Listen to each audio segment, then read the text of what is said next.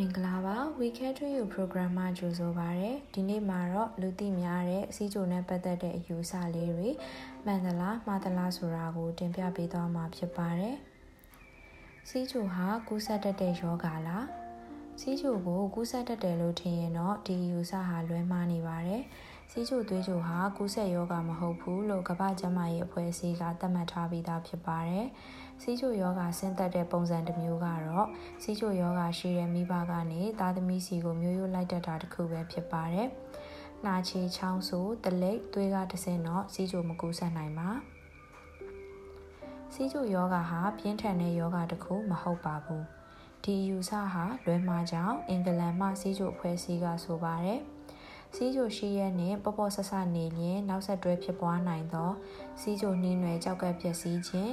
အမြင်အာရုံပျက်စီးခြင်းနှလုံးယောဂလေဖြတ်ခြင်းအာယုံကြောယောဂ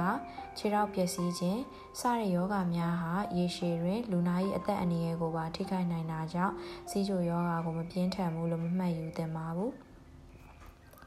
စီးချိုရှိလျင်တကြားစားလို့မရဘူး ဒီအချက်ဟာမမှန်ကန်ပါဘူးစီးကြိုဖြစ်တာနဲ့တကြားလုံးဝဖြတ်တောက်လိုက်ရန်မလိုပါဘူးတကြားတင်းတင်းစွာချင်းချင်းစားလို့ရပြီးအချိုတဲ့လွန်ကဲလွန်သောအစားအစာများကိုသာရှောင်ရှားသင့်တယ်လို့ဆရာဝန်များကဆိုပါတယ်စီးကြိုရှိသူများကတာမန်လူများထက်ဖျားနာလွယ်သည်ယာတိတုပ်ကွေဖြစ်လွယ်သည်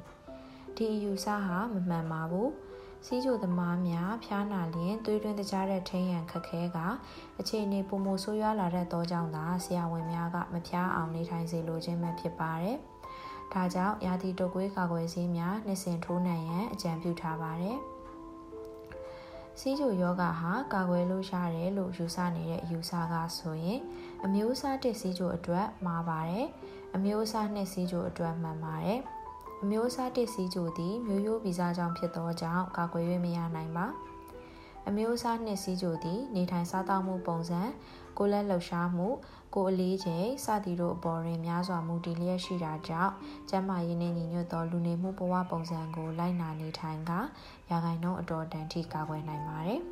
။စီးကြိုယောဂအတွက်ကာကွယ်ဆေးရှိပါသလား။ယနေ့တိုင်စီးကြိုယောဂကာကွယ်ဆေးဟူ၍ရှာဖွေတွေ့ရှိခြင်းမရှိသေးပါ။ အထက်ကပြောခဲ့သလိုပဲအမျိုးအစားနဲ့စီးကျူကိုတော့နေထိုင်စားသောက်မှုပုံစံပြောင်းလဲခြင်းဖြင့်ကာကွယ်နိုင်ပါတယ်။ကျေးဇူးတင်ပါတယ်။